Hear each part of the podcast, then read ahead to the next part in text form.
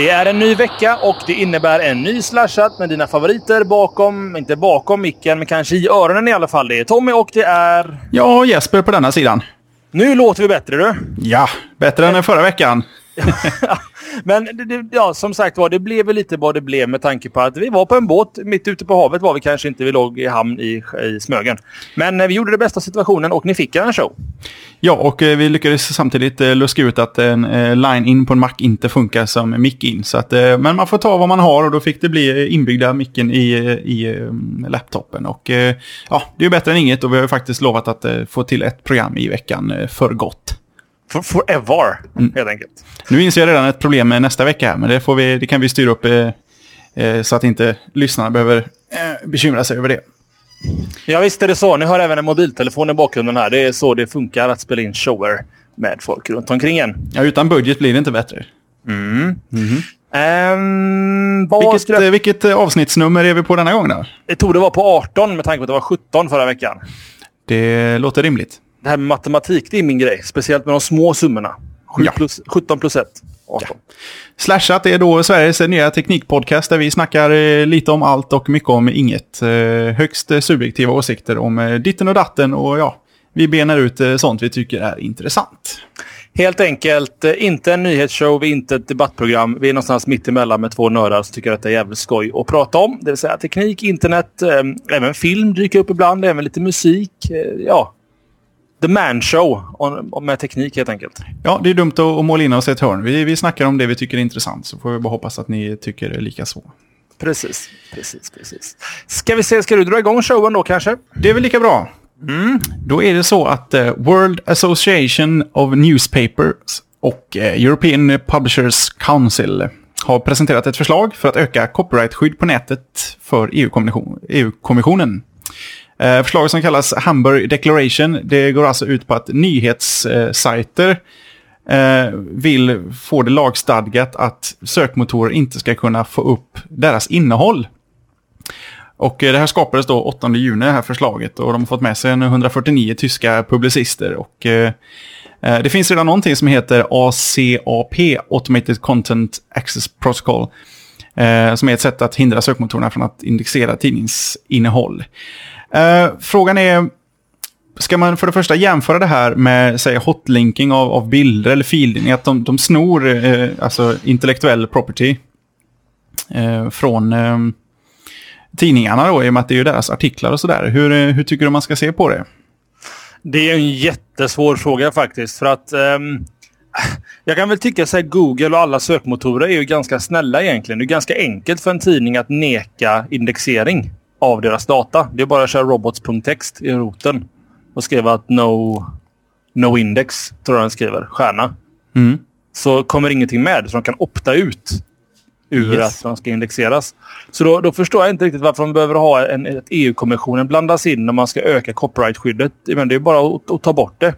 På samma sätt som att vill du inte att folk ska kunna ringa till dig så kan du ta bort ditt telefonnummer i telefonkatalogen. Och vips så kommer nog ingen ringa till dig eller Nix-registret. Helt sant. För att, eh, för att fortsätta där så har faktiskt eh, Google svarat på det här, eh, det här lagförslaget. Någon av de här pro- Product Developer Director kan vi kalla honom, jag kommer inte ihåg vad han heter. Eh, Han svarade och sa att det, här, det här är ju bara ett påhitt. Ni vet ju alla att ni kan hålla er borta från sökmotorerna med två rader kod. Och så bifogar han till och med de två raderna kod i pressmeddelandet. Så de kan bara slänga in på sidan så slipper de bli indexerade. Men han förstår samtidigt inte varför tidningarna gör, gör så stor affär av det här. För att enligt eh, Google själva så skickar de på en månad en miljard besökare varje, varje månad till eh, olika nyhetssajter. Och eh, det, det är ju siffror som eh, tidningarna definitivt vill ha när de säljer annonsplats. Definitivt. Jag tror, jag tror det handlar om så här. Och det är lite det som Bing åkte ut i lite i, ehm, i stormväder för. Bing som är Microsofts nya sökmotor, eller Google-dödare. Det kommer aldrig döda Google, men det är kul att kalla det för en Google-dödare. Eh, det byggde, helt enkelt på att eh, Bing ehm, ska jag uttrycka mig. När den indexerade videosajter så tog den 30 sekunder ur en film som den trodde var relevant och la upp på sin egen sajt. Så att folk behövde aldrig gå ifrån Bing för att se 30 sekunder av filmen. Och det gjorde ju alla filmmakare galna liksom. För att eh, då finns det liksom ingen incentive att gå vidare till slutsajten och få se deras reklam. Så det fick jag att tro Bing fick ta bort det. Och jag tror det är lite det som nyhetssajterna är ute efter där. Om du går till exempel till news.google.com, tror jag det är va? Googles news, nyhetstjänst. Mm, yeah. Eh, där får du liksom, du får ju den här eh, överblicken över nyheter och där kan du välja vad du vill läsa. Det är en tjänst för oss, men en otjänst gentemot en tidning. Som till exempel Aftonbladet har velat gå direkt till Aftonbladets startsida och där ska vi börja leta efter nyheterna. Men de vill ju fortfarande ha att... Eh, du menar att de, de missar hits på sidan om, all, om man drar Precis, för vi, innehåll? Vi, vi som Google-besökare kan lättare välja vad vi vill läsa av deras innehåll. Mm. Eh, Och då missar de massa ja, impressions i deras, i deras ad-system. Ehm, så att jag menar, om jag hittar en artikel um, Amazon ate my homework uh, or why DRM stings for education. Den artikeln på uh, cd.net som jag, som jag hittar på min newssida på Google här. Vill jag läsa den så går jag ju till cd.net och de får sin hit. Men vill jag inte läsa den så går jag ju aldrig till den sidan. Till skillnad från att ha gått till cd.net direkt, leta upp intressant innehåll så har de fått betydligt mer impressions. Kanske ja, tre gånger mer då, med tanke på att man kanske går runt på tre sidor. Fast om man tar en titt på typ news, eh, Google News då. Mm. Den, den har ju bara små, eh, små excerpts. Eh, ingresser och sånt där och rubriker. Sen får du faktiskt ta dig vidare därifrån till hela artiklarna. Så att eh, de skäl ju ingenting från, mer än att eh, de, de raggar besökare helt enkelt åt sajterna. Så det, det borde vara någonting före, eller alltså tidningarna är liksom två tummar upp. Ge oss mer trafik liksom. Mm. Tyvärr stod det inte särskilt mycket i den här eh, artikeln eh, om just det här lagförslaget. Om vad det är de vill åstadkomma. Vill de att ingen ska hitta nyheter förrän man aktivt besöker en, en, eh, en nyhetssajt? Jag menar, det, det motverkar ju hela ditt internet är på väg. Idag så behöver inte du surfa till 100 sidor. Du kan få 100 sidor att komma till en sida. Ja, hela RSS-grejen och... den Ja, biten, precis. liksom. Och så vitt jag Ja, vet så har väl alla nyhetssidor RSS-feeds. Med ungefär lika mycket. Det är väl inte någon som eh, skickar ut eh, hela artiklar. Men de skickar liksom ut rubriken och eh, någon liten beskrivande text. Det finns några sajter som faktiskt kör hela artiklar i RSS, men då har de ju med små reklamsnuttar i artiklarna, har jag noterat. Ja, men då, då har de ju ändå tagit sig... Då har de ju löst det redan. Nej, Alltså, jag tycker inte ens det är en svår balans där. Jag tycker bara tidningarna sucker up och bara tar det som en man eller en kvinna, beroende på vad du är. Och vill ni inte ha Google-trafik eller Google Juice eller någon juice från sökmotorer, kör eh, no, no index stjärna, tror jag det är. Man skriver i robots.txt. Då slipper du dem. Du kan till och med gå in eller du kan registrera hos Google och säga att du jobbar för Aftonbladet till exempel. Jag vet inte om Aftonbladet är med på detta, men jag tar det som exempel. Um, och gå in och se vad Google har indexerat och ta bort hela deras index kan du göra om de godkänner att du jobbar på Aftonbladet. Så att, lös problemet bara. Mm. Ja, det var ungefär vad Google också svarade. De sa vi, vi är rädda för vilken sorts modell ni helst vill jobba med. Men vi är rätt övertygade om att ni inte vill utesluta er helt och hållet från det vi gör åt er så att säga. Ehm, så de ligger väl bara lite efter. De vill ju säkert, alltså menar, skulle Google sluta skicka folk eh, eh, från sådana här Google News till deras sajter så skulle det förmodligen ganska tydligt märkas i besökarantalet. Det är jag helt övertygad om. Övertygad. Alltså, de sajterna som vi driver och som jag driver när jag kollar på statistik så handlar alltså majoriteten sökmotorträffar är ju via Google. Det Och eh, det gamla uttrycket Google är din vän är verkligen inget eh, påhittat. Det är ju så. I alla fall inte om du vill ha besökare. Men sen kanske det finns nischtidningar. Så, eller jag kan inte komma på något egentligen exempel där man faktiskt inte skulle vilja ha besökare till sin tidning. ja, nej, jag, inte heller, det är lite luddigt. Jag ska gräva lite djupare i det här när, när lusten Ja, men- faller på. Så. Gör det. Nu har vi ändå sått ett frö i den här historien. Så får vi följa upp den lite senare i, eh, kanske inte den här showen, men i, i, i livet. Ja, och eh, har någon av er lyssnare input på det här så kan ni alltid slänga ett litet Twitter på twitter.com slashat. Så men vi kanske har missat någon infallsvinkel.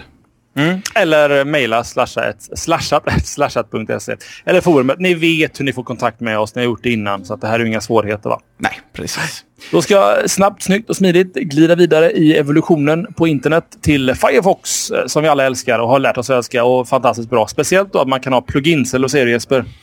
Ja, det är ju det är anledningen till att man sitter fast i Firefox idag. Det är väl det som gör Firefox nästan va? Eh, ja, det får jag nog säga. Jag har ju försökt, alltså Safari är ju snabbare på Mac och... Eh, men jag kan bara inte byta, jag måste ha mina pluggar. Och då kommer ju egentligen den ledande frågan. Skulle du tänka dig att betala för pluginsen som du har i din Firefox? Ja, nu är man ju lite bortskämd att allting alltid är gratis här. Men eh, visst, eh, håller de bara rimliga priser så skulle jag lätt kunna betala för dem. Eh, de här, vad kan det vara, fyra, fem måste-pluggar som man har. Mm.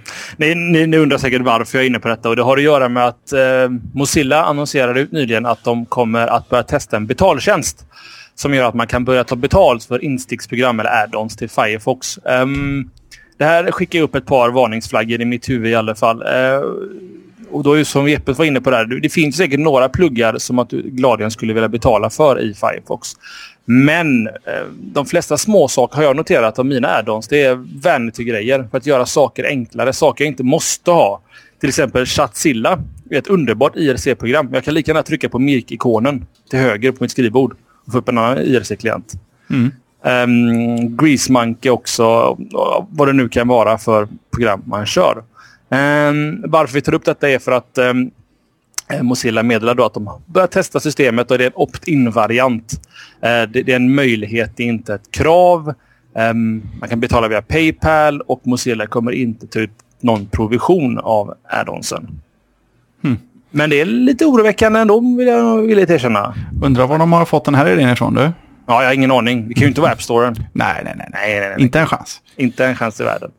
Sen så också så funderar man på, nu, det, det är ganska, fortfarande ganska sketchy liksom hur det kommer att funka och när det kommer introduceras och sånt där. Men sen är frågan, hur ser modellen ut? Är det one purchase own for life eller är det man betalar varje år? Är det en subscription tjänst? Hmm. Ja, det skulle bli intressant. Men visst, jag förstår ju folk. Jag menar, det finns ju så mycket eh, gratisprogram där ute i världen som man är tacksam för att folk faktiskt har lagt sin tid, eh, tid på. Uh, visst, det finns väl ingen som... Vi kan liksom inte förneka dem möjligheten att faktiskt få tjäna lite på grejer som, som är bra, som de har lagt ner sin tid på. Det är ju bara det att uh, saker som börjar gratis och blir, blir dyrare inte lika tacksamt som dyra saker som blir billigare. Mm. Man är liksom van sig vid att det är bara att plocka alla plugins som du vill och peta in och tuta och köra. Ja, visst, det, det kostar ju. Jag tror det handlar mycket om att eh, oftast när det är gratis på internet, tänk Facebook, tänk MySpace och alla de här, så handlar det om att de har inkomster via annonsering eller via att sälja datan. Då. När det gäller add-onsen här så finns det ju inga, ingen, det finns ingen möjlighet att göra reklam i din, din add-on. Det, det, ja, det finns möjligheter men det skulle se jävligt konstigt ut med en banner i ett litet program. Liksom. Mm. Så jag tror, jag tror det handlar om det. Det finns liksom ingen naturlig väg för add-on tillverkarna. Och det finns ju några jättestora som verkligen lägger ner mycket, mycket tid på sina add-ons. Ja, X-Marks är väl en av dem. Den är riktigt stor med stor portal hela köret med dina bokmärken och grejer. Ja, ja verkligen. Och även um, webb... Vad heter den? Web developer. Uh, Firebug, Grease Monkey. Alla de här. Grease Monkey är en stor grej också. Grease Monkey är eh, major. De har um, nästan 400 000 downloads i veckan. Det är rätt bra jobbat. Säg att, de, säg att, de, säg att det kostar en dollar. Det är ju mer än de tjänade igår så att säga. definitivt. Så att det ska bli intressant att se faktiskt hur detta artar sig. Det är definitivt en historia som vi kommer att uh, följa upp så ofta vi bara kan. För att jag, det påverkar nog många av oss. Jag tror många, många av våra lyssnare faktiskt kör på um, Firefoxen. Ja, det är väl uh, om man lyssnade på för förra veckans eh, program så hade vi faktiskt exakt statistik på hur många som använder Firefox idag. En majoritet kan man säga. Ja, nästan. Nästan, nästan. Snart, skulle jag säga. På G. Eh, och, eh, och så vill jag bara passa på, för jag är lite, lite, lite småstolt och det är en shameless plug, men jag har fått min första add-on. Mm. Eh, det var så här, fick jag på nyheten också. Eh, godkänd i det publika um, directorate. Det är det. Nice, nice. Det är, du har väl ändå gjort ett par pluggar? Det är det första som blir publik? Första, första som är publik och det är plugin 9920 blev det. Oh, so close. So close. Ja, det hade varit 10 000 vet du. Det hade varit 10 000. Då har du eh, fått en soffa. Den kommer på posten. ja, precis. En Mozilla-soffa. Eh, Addonet heter Casey Case Converter. Eh, världens sämsta namn. Jag ville ha det någorlunda unikt. Vad den gör är att det, det, kommer från att vi, både jag och EP modererar Transpunkt nu och massa andra forumsajter. Um, och ett stort problem man har det är när folk kommer in och skriver fullkapsade titlar eller subjekt. Ibland hela caps på hela posts. För att det ser så jävla fult ut på sajten och det, det är bara dumt. Så då ringer mobilen här, eh, Timely. Men det sköter vi. Min assistent tar det. Så. Ja, det är bra. Min flickvän. Um, och vad var jag någonstans? Jo, Transplug nu. Och problemet då var att då får man sitta där och ändra alla case automatiskt. Så då skrev jag en liten plugg till mig själv. Så jag kunde bara höjklicka och välja Fix Proper Casing. Sen så insåg jag att detta är säkert någonting som fler skulle kunna användning för. Um, I olika sammanhang. I synnerhet då kanske moderering av olika så att jag skrev några enkla regexpar i JavaScript och vips så finns den där. Jag vill minnas att jag eh, gnällde lite på att det inte fanns en sån plugg en gång i tiden. Mm. Jag tror till och med det var du som initierade hela grejen för typ två år sedan. Eller något. Ja, något sånt. För jag körde alltid allting. Jag var tvungen att klippa ut och så in på caseconverter.com, klistra in, klippa ut, tillbaks och så hålla på. Så det, kunde, det hade varit enklare med bara ett högerklick fixa. Mm. Ja men verkligen. Så det var, det var ju därifrån. Det var säkert, ja, så du säger, det är nog därifrån idén kom överhuvudtaget att skriva ett Firefox-plugin till det hela. Mm. Good work Onja. Ja, och kul också att bli godkänd eh, faktiskt. Och det är hela 600 downloads hittills den här veckan. Se där ja. Det... Vi slänger väl även upp länken i våra show notes så, eh, så vi får maximal exponering. Mm. Nej men det, det, det, är kul. Jag menar, eh, så, så, ofta jag kan och så mycket jag har tid så försöker jag göra open source mjukvara eller gratis mjukvara. Små saker som man lika kan dela med sig av. Om du skulle ta betalt för den här när det väl blir en sån eh, feature, skulle du ta betalt för den? Och nej, hur mycket? gud nej. Nej, nej, nej, nej, nej. Inte, inte ens en liten 99-centare? Inte ens, inte ens. Alltså, effektiv tid kanske jag satt i två timmar. Det som tog tid för mig det var att förstå hur Firefox plugin-system funkar, eller modulsystem. Uh, nej, absolut inte ta betalt. Men däremot, som jag sa, jag var inne på innan, de som verkligen gör stora, stora plugins, som lägger ner mycket tid i veckan på att göra det här så det funkar. Det, det kan jag nog tänka mig att de kan ta en slant för det. Sen är det faktiskt så att när man väl börjar ta betalt för sina saker då får man en helt annan press på sig att det måste levereras. Eh, att det ska vara bra. Jag menar, Ja, visst fan är det så. En gratis buggigt plugin. Du, du har liksom ingen som helst rätt att gnälla på det. Mer än att ja, du kan gnälla men du ska liksom inte förvänta dig att någon faktiskt gör någonting åt det. Men så fort vi... folk har betalat då, då, då har du ju någon sorts... Eh, då har de någon sorts rätt till att ha ett fungerande program. Det är också intressant faktiskt hur supportavtal och sånt sker. Om de ska ändra licensieringen då, man ska börja ta betalt för det. Mm. Ja, det, det här är också en story vi säkerligen kommer komma tillbaka till. Och som vi sa innan, med tanke på att så många av er faktiskt använder Firefox, inklusive både mig och Jeppe, så är det ju onekligen en väldigt intressant story. Ja, men precis. tills dess så ska ni alla ladda ner Casey, Case Controller. Nej, Converter, inte Controller. Nu börjar, ölen kicka in här. Ja, det var väldigt. Och den finns i show notesen. Ja, det är bra det. Take jag har away. faktiskt slarvat bort den installationen. Jag får nog eh, latcha in den igen där. Tycker jag. Det finns det ju eh, i publikt också. Trevligt, trevligt. Moving on. Mm. Microsoft Azure. Eller Azure. Azure. Ja, något sånt där. A-Z-U-R-E. Är det någonting du känner till eller?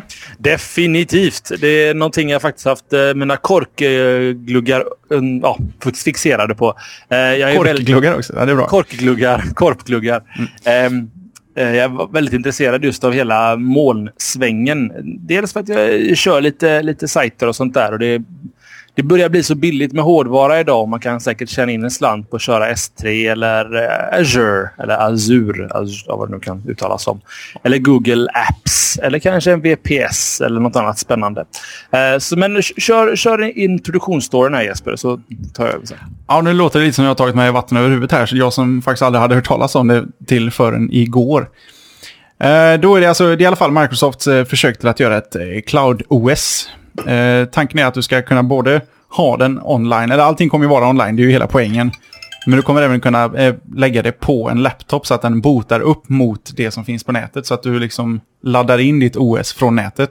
Mm. Och nu har de då släppt priserna för det här. Och eh, modellen påminner väl lite om just eh, Amazons S3 där. Du betalar för hur mycket, yt eller hur mycket utrymme du använder och hur mycket data du skyfflar fram och tillbaka. Och eh, här också i det här fallet betalar du per timme du använder det. Vilket är lite intressant. De ska alltså ha... Eh, när du använder den i en timme så betalar du 0,12 dollar. Och du betalar 0,15 dollar per gigabyte som du har lagrat. Och sen betalar du 0,01 dollar, det är väl en cent, per 10K. Mm. Eh, och sen så har de lite såna SQL-varianter och .NET-tjänster och sånt där. Men eh, jag vet inte om det här är tänkt att rikta sig till någon sorts eh, netbook med, eh, med mobilt bredband i alltid. Så, så, att du alltid kan eh, bota upp mot nätet. Då, för det är, ju- det är ju gärna ett minimikrav för att kunna köra ett Cloud-OS. Ehm, mm. jag ska Ja. inte avbryta dig. Nej, EP, jag får nästan avbryta lite lätt här. Det, det här handlar ju inte om eh, desktop på något sätt. Detta är bara servrar. Är du helt säker på det? Jag vill Nästan påstå att eh, det var det hundra. som hela grejen handlar om när jag tittar in här. För att alltså, vad det bygger på är att du får eh, en webbserver egentligen. Som bygger på hela .NET-principen och så kan du välja till SQL eller .NET-tjänster till den servern. Um, säg till exempel att du har en sajt som är helt byggt på ASP som är Microsoft motsvarighet till POP kan vi säga. Väldigt en- förenklat egentligen. Mhm. Eh, och då kan du få en server som kör det eh, virtuellt. Mm. Detta har nog ingenting med desktopen att göra som jag har förstått det. Naturligtvis så, så betyder inte det att jag har rätt på något sätt. Ja, då får jag nästan ta på mig dumstruten här. Jag ska faktiskt lite snabbt se om jag hittar den artikeln som, är, som jag sprang på här. Mm, för Har det, de det, i, i, princip lurat mig? du har köpt på dig 17 stycken. Jag tänkte nu är det så hippt med, med Chrome och Android. Jag tänkte Microsoft vill väl ha in en god bit där också någonstans. Alltså, Azure eller Az- Az- Azure är nästan den är inte helt enkel. gammal. Den är nästan ett år gammal och är någonting som Microsoft har promotat gratis ett tag. Man har fått, lo- fått köra och testa lite. Ehm, och det är egentligen precis samma som Amazon S3. Det vill säga att du kan, du kan starta en instans av en Windows server som du kan köra webbsajter på. Eller du kan köra mycket annat. Du kan köra SVN repositories, du kan köra fil, ehm, han, vad det? Eh, f- filrepository eller sånt där också. Mm. Men, men, men i huvudsak, du, du, du har ju rätt essens och det är ju att du kan, skulle till exempel kunna mappa en SkyDrive via Azure och ha det som din F-kolon och lägga filer där naturligtvis. Där ser man. Jag har ändå fått ett rätt här. Jag skrev påminna lite om Amazon S3. Mm. Är det i mina, I mina notes. Ja, nej, det var ju skit. Och, eh, Men det, nej, det är inte alls skit. Alltså, on contrary. men jag tyckte annars det var ett intressant, intressant koncept. Om du alltid har en burk med inbyggt eh, internet så ska du egentligen inte behöva mer lagring än det lilla programmet som botar upp datorn och hämtar ner ditt, ditt shit. Det, det där är en modell som jag lovar att vi kommer att få se inom nästan ett år. Att, ehm, för det är ju det är Microsofts och Apples och allas våta dröm, speciellt speltillverkare och programtillverkare. Det är ju det att du kör programmet i deras skyddade miljö. Du laddar inte ner programmet och har det på din dator utan du kör det uppe i molnet som det döps då, the cloud. Mm. För då, det, ursäkta, jag rapa. Eh, För då, då, då löser du hela licensieringsbiten. Liksom. Det, det, allt är ju löst för dem. De kan ju verkligen ta betalt för sin mjukvara. Fast om man tar ett steg längre då skulle man ju kunna till och med få sådana här med, när ändå hårdvara är så billigt så kan man ju ha sådana här cloud-funktioner med eh, offline-support. Tänkte lite Dropbox-varianten att allting som finns där uppe finns också lokalt om du skulle behöva göra någonting. Och sen så synkas det upp så fort du får nätet igen. Samt att du skulle kunna lämna datorn hemma, bara gå in på cloud.os och så får du, loggar du bara in där så får du upp hela din dator, det senaste som finns där så att säga. Absolut. Jag är övertygad om att det där är... Det är inte långt bort. Det, det lät som science fiction, fiction kanske för bara ett par år sedan. Uh, nu är vi där. Kolla på mitt, mitt favorituttryck. Jag har glömt av vad det heter bara för det. Men uh, online. Konceptuellt. Nej, inte konceptuellt, utan on- online. Yes. Online, alltså ingen kunde ju föreställa sig för två år sedan att det skulle kunna funka att spela spel via, via liksom, eh, ja, nätet. Ja, fast seeing is believing och vi har fortfarande inte sett något.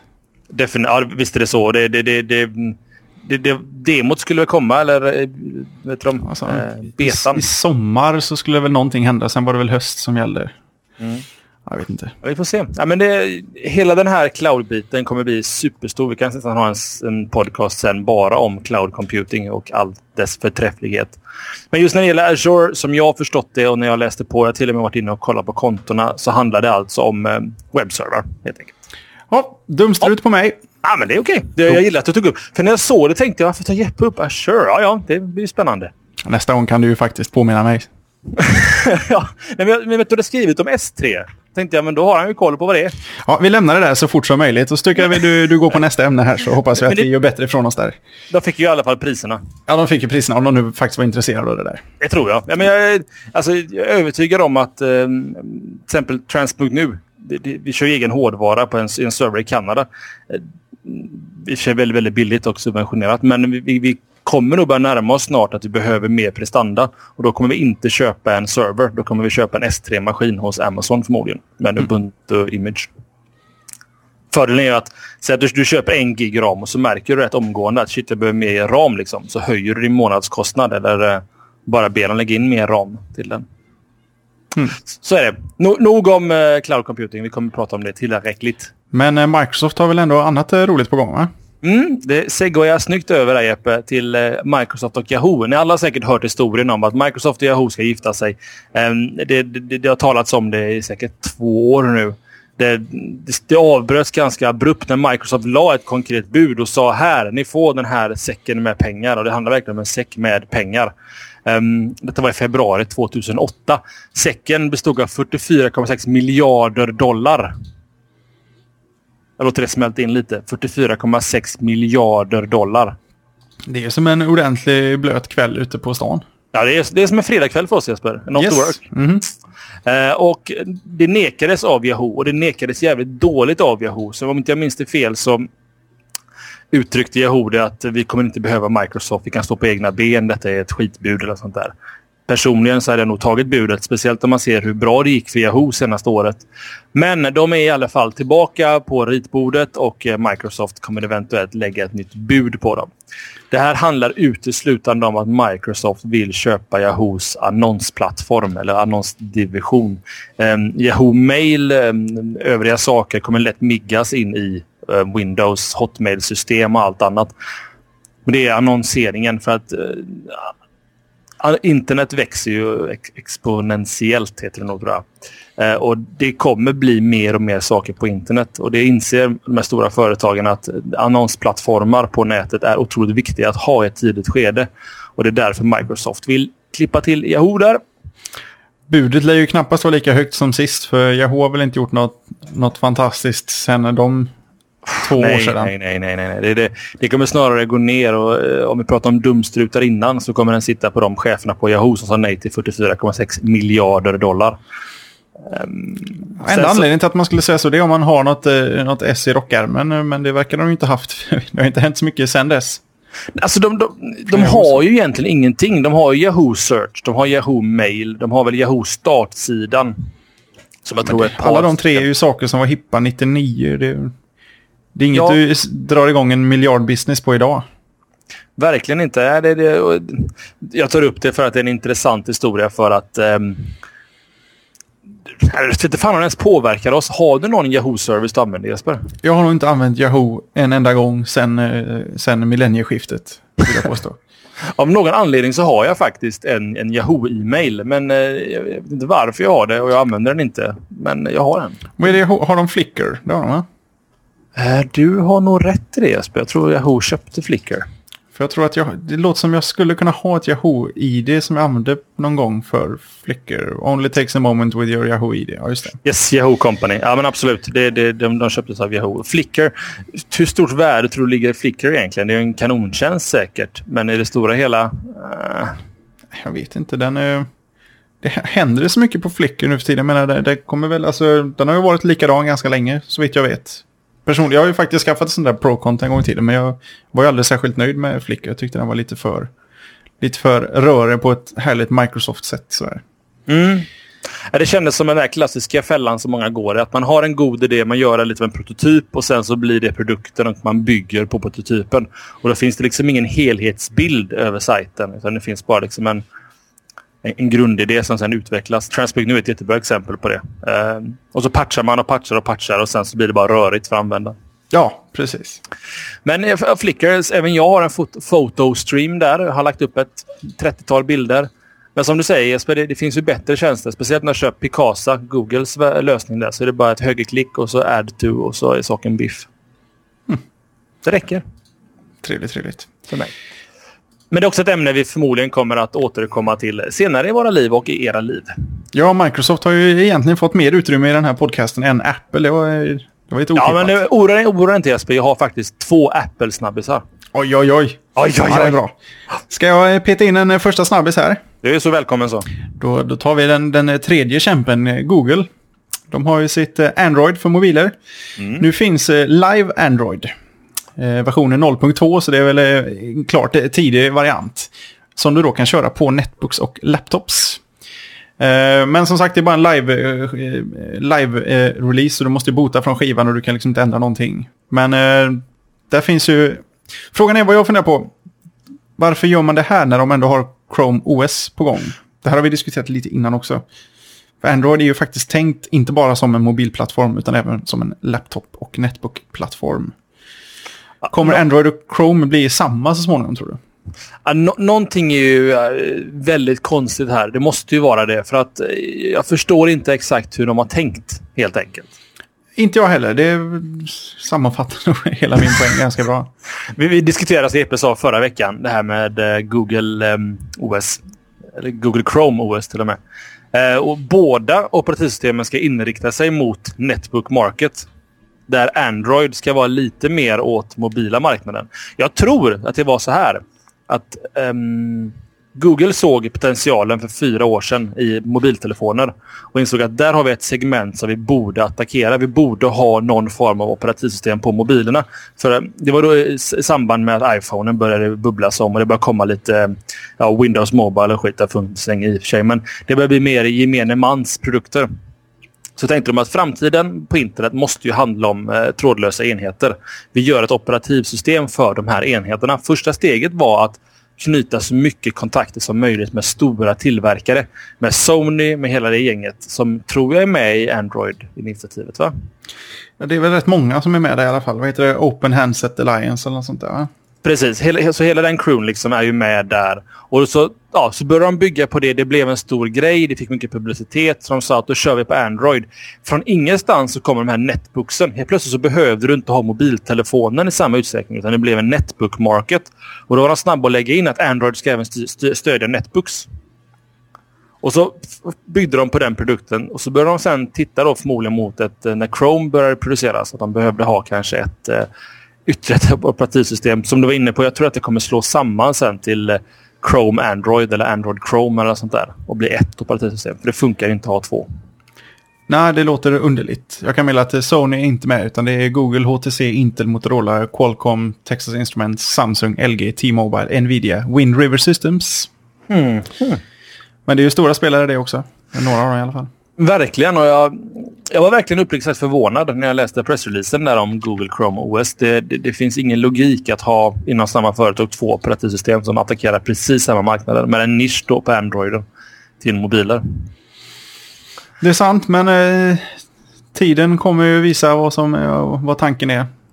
Ja, Det kommer att det så. bli, bli alldeles jätteklart eh, i slutet exakt vad som är till vad och hur det ska fungera i symbios. Eller så är det klassiken att eh, de helt enkelt har blivit för stora för sig själva Google. Att det, det, det, det finns så mycket olika divisioner att de har svårt att överblicka exakt. Vad har vi för produkter liksom? Kommer, kommer det här stampa på fötterna på någon annan produkt om vi gör si eller så? Så lite sådär, jaha, gör ni också ett OS där borta i högra flygeln? Åh fan, vi har ju ett nästan klart här borta. Ja, ja, vi kör på. Kör bara. Får vi se vilken som... Vi kastar all skit och så får vi se vad som fastnar.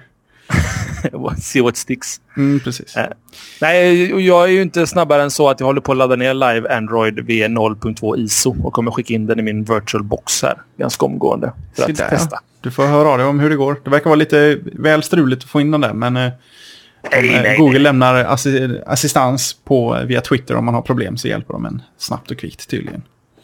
Ännu en gång lite snyggt gjort av Google att faktiskt eh, ta Twitter-vägen. Precis, precis.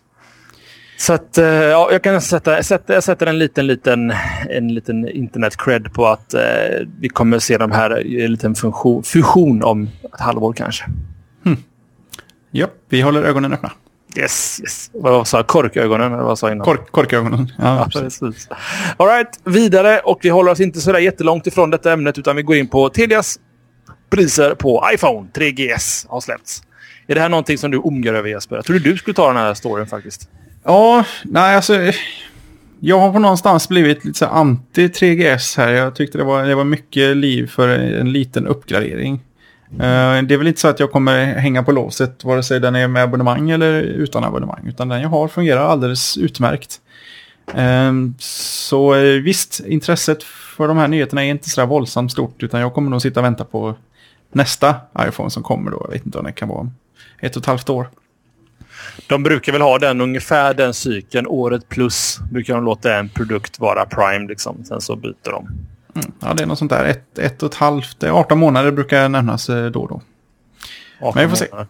Det är kort tid faktiskt för en, en produkt. Men det är okej. Okay. Det, det, är de som bestämmer. Ja, fast det, i mobilvärlden är det ju lång tid. Jag menar, köper en Nokia idag om ett år så är det ju, det, är det ju en, eh, en relik. ja, det är sant. Det är, det är inte så ofta att den håller i ett år. Det brukar vara så just med mobiler. Hela mobilmarknaden är så otroligt rapid så man hinner knappt förstå vad som hände innan det, det är slut. Mm, sen kan man ju spela det, det spelet som Sony Ericsson. Man presenterar en mobil med prestanda som är hippa och sen släpper man den ett år senare. Mm. Så att den redan är ett år gammal när den kommer ut. Det verkar ja, det... funka jättebra för dem. det, det, det, är en variant helt enkelt. Ja helt enkelt.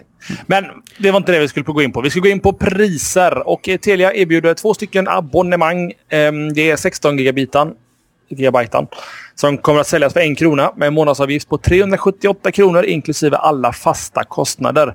Det är, båda avtalen är 24 månaders kan jag säga. Och så har vi 32 versionen som säljs för 995 över disken. Sen en månadsavgift på 378 kronor för inklusive alla fasta kostnader. Och det är ju okej. Okay. Ja, det är det väl. Vi får se. Alltså de här fasta kostnaderna. Vad väl om, är det abonnemangskostnad och mobilkostnad? Frågan är, ingår datakostnaden i den där? Fri data?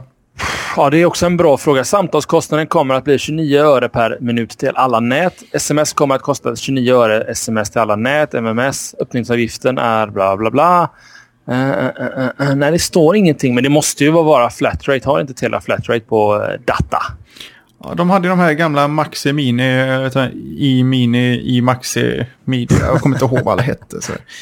Um, och då ingick väl fri... Nej, det ingick olika mängder data. Största ingick 1000 megabyte i månaden och sådär. 1000 mega, ja, megabyte, 1000 mm. gigabyte. Tänkte 1000 gigabyte i månaden. Det är väl att ta i kanske. Mm, jag kan ju slänga, slänga ett öga här. På, på... Medan du slänger ett öga där så kan jag berätta också då att eh, de som har köpt eh, en iPhone 3G under juli 2008 med 18 månaders bindningstid och som fortfarande har kvar tid då på det tecknade abonnemanget kan enligt Telia köpa en iPhone 3GS och slippa resten av det gamla abonnemangets bindningstid. Det kan jag säga är en schysst grej faktiskt. Ja, det är det. Det ska eh, vara props det, det, för. Ja, definitivt. För att det där är ju någonting som jag tror många satte sig lite på pottkanten där. Eh, att eh, ja, de, de, de, de satt fast med ett abonnemang. Men de bara för över det enkelt så får du väl betala en slant eller två då. Det är ju lite av ett, det är ju ett ganska stort problem med, med just sådana här telefoner. Alla de här, i och med att det är en dyr pryl så säljs de alltid med 24 månaders abonnemang. Men det kommer alltid en ny mobil lik förbannat var 18 månad. Så de kommer ha de här problemen i all evighet. Mm. Mm. Men det är väl så, till, de som tillverkar telefoner och de som har abonnemangen, de, de pratar väl inte alltid samma språk. Du, Google Android är rätt coolt faktiskt. Alltså? Jag sitter och kör det i min virtual box här. Det är otroligt slick i alla fall kan jag säga. Alltså? Nej, jag får nog ta en titt på det där också så småningom. Men det gick ju fort att få ner och in och upp.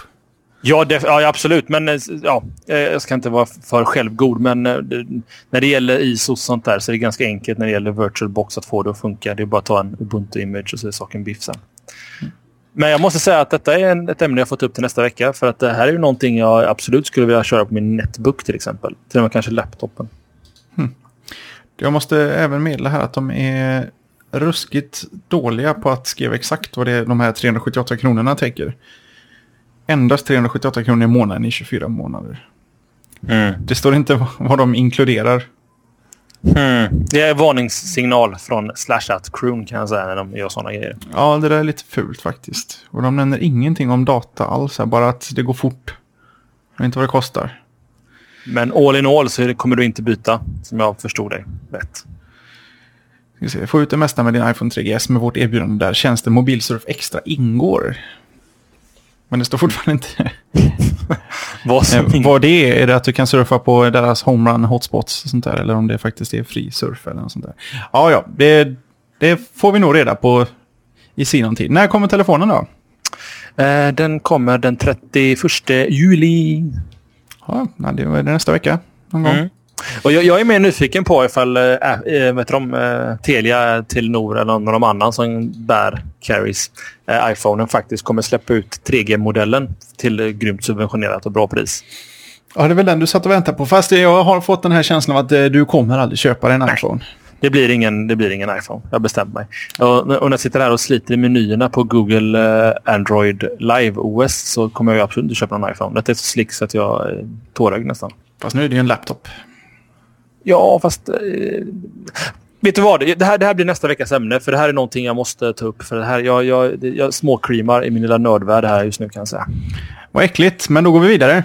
ja, då, är det hög tid.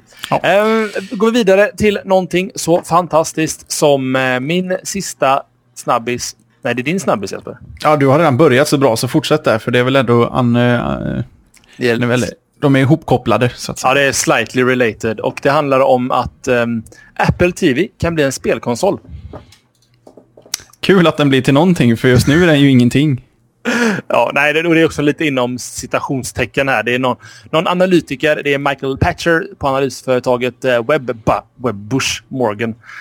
Eh, att det eventuellt kommer Apple transformera mediekonsolen Apple TV till en spelkonsol. Eh, och, då känner jag, varför jag tar med nyheten, det är för att jag som vanligt vill proma eh, online lite. Finns det någon poäng att plöja ner pengar i en spelkonsol idag när marknaden bevisligen kommer gå mot en mer online-aspekt? Nej, jag tror bara det här är redig spekulation och det är inget som... eh, Det här, jag tror inte det är inte en chans. Jag Nej. tror däremot att Apple TV kommer försvinna så småningom. Den, eh, den fyller ingen större funktion. Vad, vad, vad är en Apple TV, du som ändå är lite mer Apple-människa? Är det egentligen bara en ett mediacenter som är bundlat med eh, i, eh, i, inte iPhone utan iTunes? Om vi säger så här, om du inte eh, hackar den med, med sån här Plex och Windows, eh, heter det, Xbox Media Center och sånt där. Så är det egentligen bara en brygga från eh, iTunes till din tv. Du får upp ett litet interface på tvn där du kan spela upp dina tv-serier, filmer, musik och podcasts sånt där från din iTunes. Mer än så är den inte. Hmm. Du kan inte spela några andra format än det som går att spela i iTunes. Så det är bara en extremt dyr brygga. Som inte är, ska vi se, den fixar 720p, men mer än så fixar den inte. Men Yeah. hackar du den så blir det ju klart intressantare. Då får du in Plex och kan köra varenda filformat eh, som människan har hittat på i princip. Men, eh, nej, jag, Ah, jag tror att eh, på något sätt så kommer den där flytta ihop med någon sorts mittemellanprodukt mellan eh, Mac Mini och eh, Apple TV och gärna med möjlighet att få in tv också. Så man får det här lilla mediacentret. De, de, de är ju så stora på ljud och bild och allt sånt där. Det är klart de ska ha någon sorts mediacenter-liknande eh, produkt. Mm. Det, det, det måste dit så småningom. Men att det blir en spelkonsol, det är inte mer än eh, någon liten Tetris längst ner i menyn som man kan roa sig när det inte är något kul på tv eller något. All Men, right. eh, någon spelkonsol kan jag aldrig tänka mig. Du som ändå är early adapter, eller adopter och gärna har pengar att spendera på det. Skulle du kunna tänka dig att köpa dig en Apple TV? Eh, nej, jag har tittat på den när den kom, men jag förstod bara inte. Och speciellt inte i Sverige där det inte säljs någon, eh, några filmer eller hyrs ut filmer eller tv-serier på iTunes. Så då gör den inte mycket mer än att spela musik du har iTunes, så det behöver du inte en tv till. Nej, gud nej. All right. Nej, men då tycker jag du glider över snyggt eh, och prydligt till den sista lilla snabbisen. Men om det händer mer på Apple TV eh, Gaming Console-fronten så är det Slashat som berättade för er. Ja, och eh, det kan ni räkna med att vi tar upp i så fall. Mm. en snabb sista sajt här bara, litet, en liten rekommendation. Jag sprang på en, en norsk sajt som ger svenskt väder med hjälp av Google Maps. Som heter blirDetsol.se. Som då använder hela Google Maps, jag vet inte, heter det API? Ja, Pia. Absolut. Ja. Eh, och eh, då bara limma på lite moln och solar på där. Och den, den är faktiskt eh, riktigt slick och fin och ser härligt webb 2.0-aktig ut. Och ger bra väder också har jag, noterat. Så att Alltså, Ja. ge, det, ge det bra väder. den ger det, det vädret jag vill ha. Bättre Precis. väder än SMHI. Ja. Och de har nog nätets största solar också. Så, jag, jag? Jag, fastnar på laddar väderdata här. Ja, nu kom den. Och jäklar vilka solare. Ja, zoomar man inte in ordentligt så har man en sol över hela Sverige. ja, precis. Oj, hela Göteborg är en stor sol just nu och det kan jag säga att det stämmer sådär. Ja, fast om man spolar fram till en så här 17 och regnar det. Ja, ja nej, den, den har varit bra hittills i alla fall. Jag tycker de flesta, mitt, mitt största problem med, med vädersajter är att det oftast är flash. Det irriterar mig. Det är grymt irriterande faktiskt. Jag tror, eh, vad heter tjejen på GP? Som... Wieselgren. Ja, Eva Wieselgren. Hon gjorde en ganska intressant liten write-up just om eh, olika mobilväder. Och då fastnade hon skrev till och med att hon jobbar för GP. Och sämsta vädertjänsten det var ju GP. För att det var bara flash. Det funkar inte i iPhone. Nej, för hon har en iPhone, iPhone då. Så att, eh, där gav hon, gav hon sin egen chef en liten känga. Nej, men det är ju inte deras fel. Det är egentligen SMHIs fel. För att de, de köper väl in den tjänsten från SMHI. För det är ju samma funktioner på GP som på, på SMHI. Och de gick ju om till Flash och det tyckte jag var lite surt. Det behövs inte Flash för att visa väder. Det känns bara som en lat lösning. Men jag vet inte, det kanske vår Flash-expert Nisse skulle kunna eh, läxa upp mig på. Ja, vi har ju lovat ut en liten intervju med Nisse rörande Flash-utvecklingen på iPhonen. Men jag måste säga Jesper att jag är lite imponerad av blidesol.se. Det... Nej, jag gillar den. Absolut. Mm, den, är... den, den, har fått, eh, den har fått plats i, eh, i bland mina bokmärken i alla fall. Och det brukar betyda att jag är nöjd. Den krånglar inte till det, den gör det rätt enkelt. Den gör det grymt enkelt och jag, gillar också det här att man får upp vyn en vecka framåt. Vilket väder det kommer bli. Mm, precis. Eh, så är det kul att de tar väderdata från yr.no. Från norska då, eh, SMHI kan man säga. Ja, men så de kanske är bättre på det där. Jag tror det, jag tror det är så här att SMHI har väl eh, licensavtal. Att du måste betala för att återpublicera väder på nätet på ja, vilken tjänst som helst egentligen. Det är nog alldeles sant. Sen och, är det Flash. Ja, men vi, och för att låsa ner datan på SMHI så man inte kan scrapa SMHI så kör de Flash för att det är svårare att komma åt den datan. Det går, men det är svårare än en vanlig. Ja, det är ju en variant. Det är förmodligen inte alls möjligt att det är så. Visst är det så. Ja. Men då blir det dagens länk kanske. Blir det sol.se. Ja, det här är en sajt som jag kommer introducera för min flickvän i alla fall. Hon kommer älska den. Mm, ja, den, är, den är inte dum. Inte dum, inte dum, inte dum. Men ska vi sakta avrunda här? För jag känner att jag vill in och fingra lite i Android live. Jag är helt betuttad. Papp, papp, papp, papp, Du ska ut på, på stan och dricka pilsner. Ja, jävlar. Ska, ska du med dricka öl, Jesper? Nej, inte. Jag har för mycket att göra inför resan eh, nästa vecka. Ah, just det. Lite, lite USA. Hur länge kommer du hem från USA? Jag kommer hem på onsdag. Exakt, det var den lilla abert jag fick där i början av programmet. Får vi se hur vi ska lösa det där. Jag har en bra lösning på det faktiskt. Ja, har en bra lösning på det. Men den lösningen får ni höra nästa vecka i slashat.se, Sveriges största, bästa och vackraste teknikpodcast. Precis så. Ja, då var det man... dags att runda av för dagen. Ja, om man har en kommentar eller två, vad gör man då Jesper? Då tar man sig till slashat.se, kikar in i forumet eller kommenterar på nyheterna för varje program som postas där.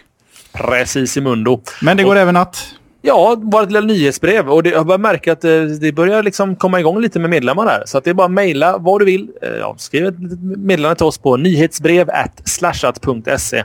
Det är en opt-in-lista och vi kommer inte att spamma. Utan det, vad det bygger på egentligen är att vi har en liten, liten lista med e-mail. Så skickar vi ut eh, matnyttig information till exempel när vi kör våra liveshower.